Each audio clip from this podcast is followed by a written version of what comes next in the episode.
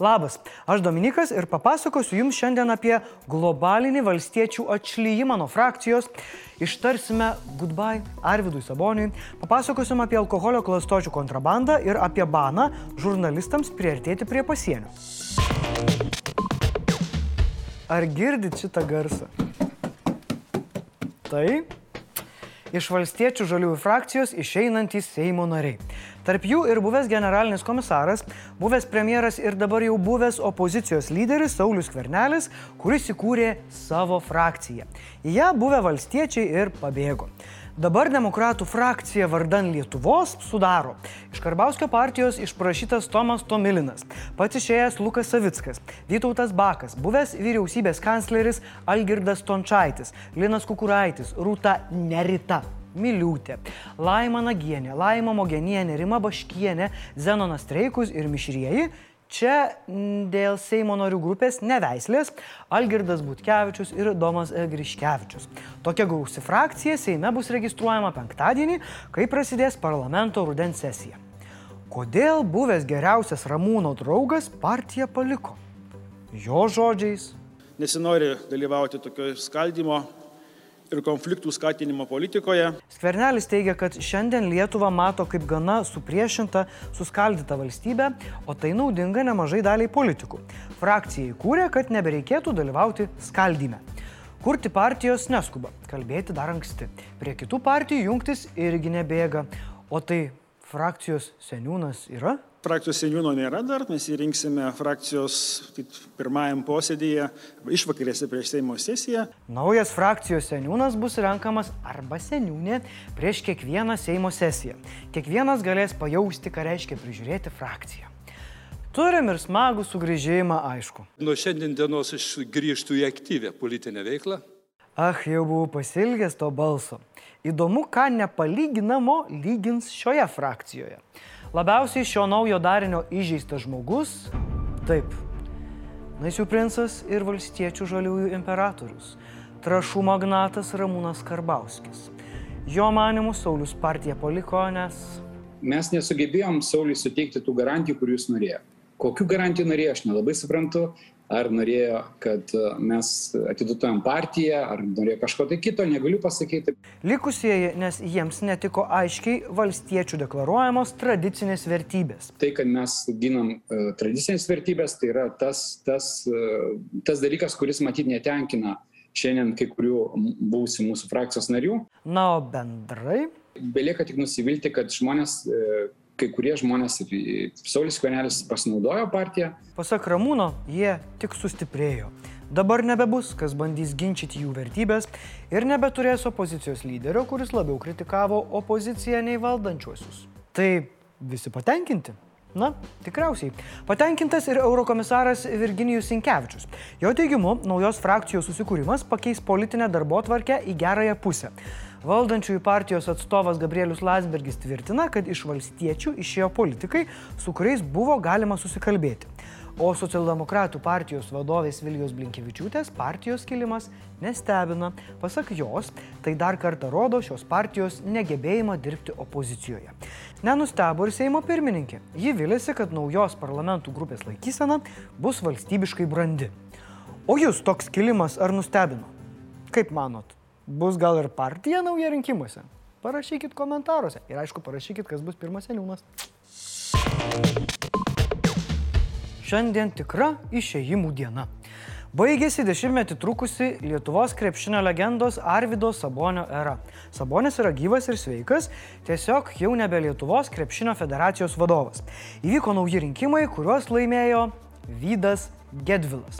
Balsuoti rinkimuose užsiregistravo visi 136 balso teisę turintys nariai. Į prezidento postą pretendavo buvęs vyrų krepšinio rinktinės treneris Ramūnas Butautas, buvęs moterų rinktinės treneris ir net buvęs Seimo pirmininkas Vydas Gedvilas ir Žalgirio sporto direktorius, legendinis krepšininkas ir tatuiruotės sūryklių savininkas Robertas Jeftokas. Solidus trejetukas, iš kurio negalėjo išsirinkti pats Sabonis. Ekspertų favoritu buvo laikomas federacijoje pastarosius keliarius metus sporto direktoriumi dirbęs Butautas.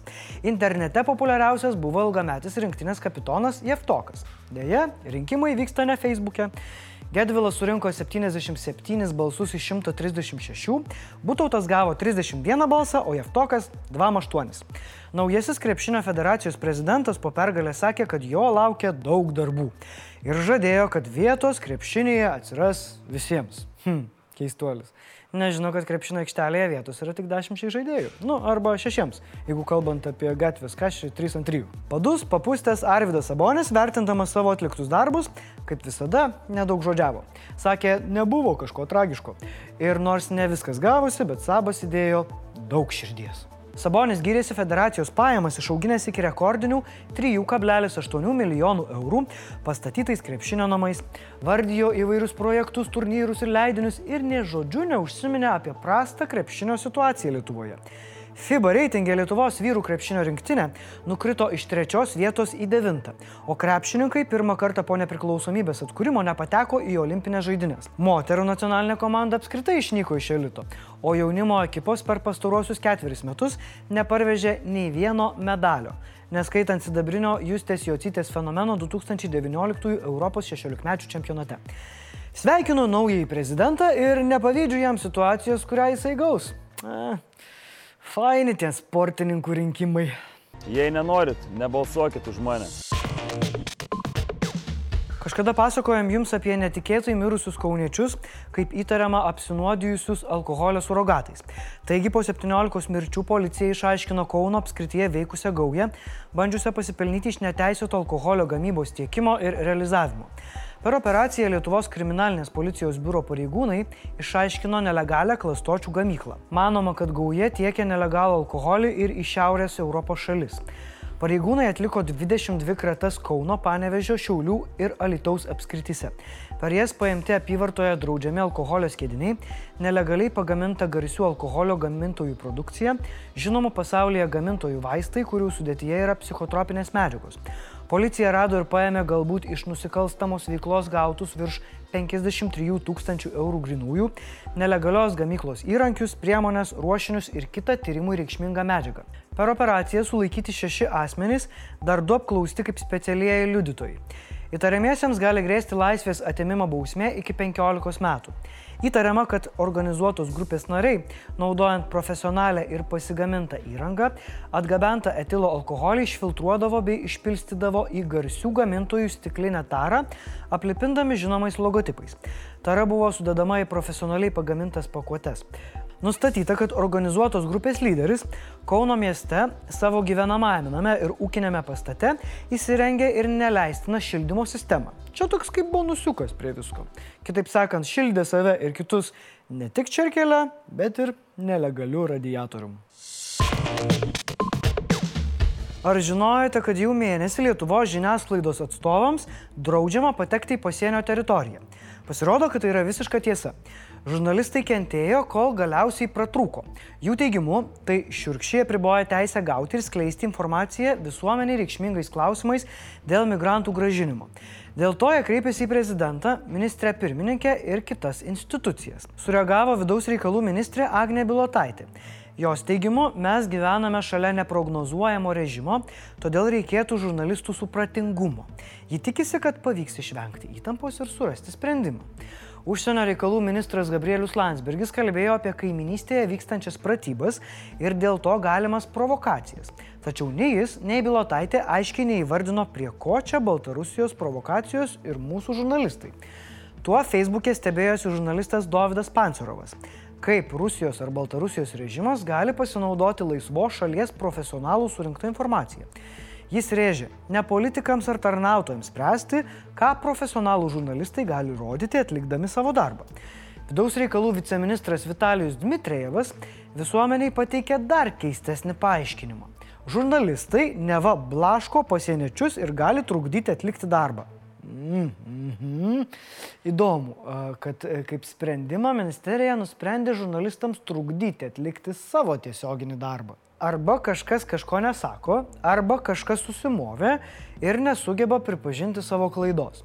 Kaip ten yra iš tikrųjų, nusprendė panagrinėti Birutė Dovidonytė, kalba ekspertas laidoje. Šiandien kalbėsime apie draudimą žurnalistams dirbti Lietuvos pasienyje. Pažiūrėkite ir susidarykite nuomonę patys. Blitz naujienos. Vilniaus savivaldybė žada svarstyti Lietuvos šeimų sąjūdžio prašymą leisti surenkti mitingą rugsėjo 10-ąją prie Vilniaus arkikatedros. Renginyje dalyvautų iki 10 tūkstančių žmonių. Savo ruoštų šeimų sąjūdis pranešime paragino atvykstančius į mitingą laikytis įstatymų ir protestuoti taikiai. Įteisintas sprendimas skiepyti tam tikras gyventojų grupės nuo COVID-19 sustiprinamąją doze. Trečiajai dozijai galima registruotis koronastop.lt ir telefonu 1808. Skiepytis galima praėjus ne mažiau nei pusmečiui po vakcinacijos pagal pilną schemą. Europos komisija paprašė Europos teisingumo teismo skirti kasdienės baudas Lenkijai. Baudos būtų skiriamos, kol Lenkija pradės vykdyti nurodymą sustabdyti reformas Bruselio nuomonę kenkiančias teismų nepriklausomumui. O laidos galui palikome jūsų komentarus apie kitą galą, tiksliau apie Puidoką. Daugumos spėjimais Puidokas iš savo telefono ištrynė gėjiškus date appsus, kurių viršūnė karaliauja programėlė Grindr arba lietuviškai Grinderis. Dar kažkas iš jūsų minėjo, kad e, gaudė Pokemonus. Čia visai irgi tinka. Nors visos olimpinės jau baigėsi, tikras rekordinio greičio bėgikas liko be medalių. Run.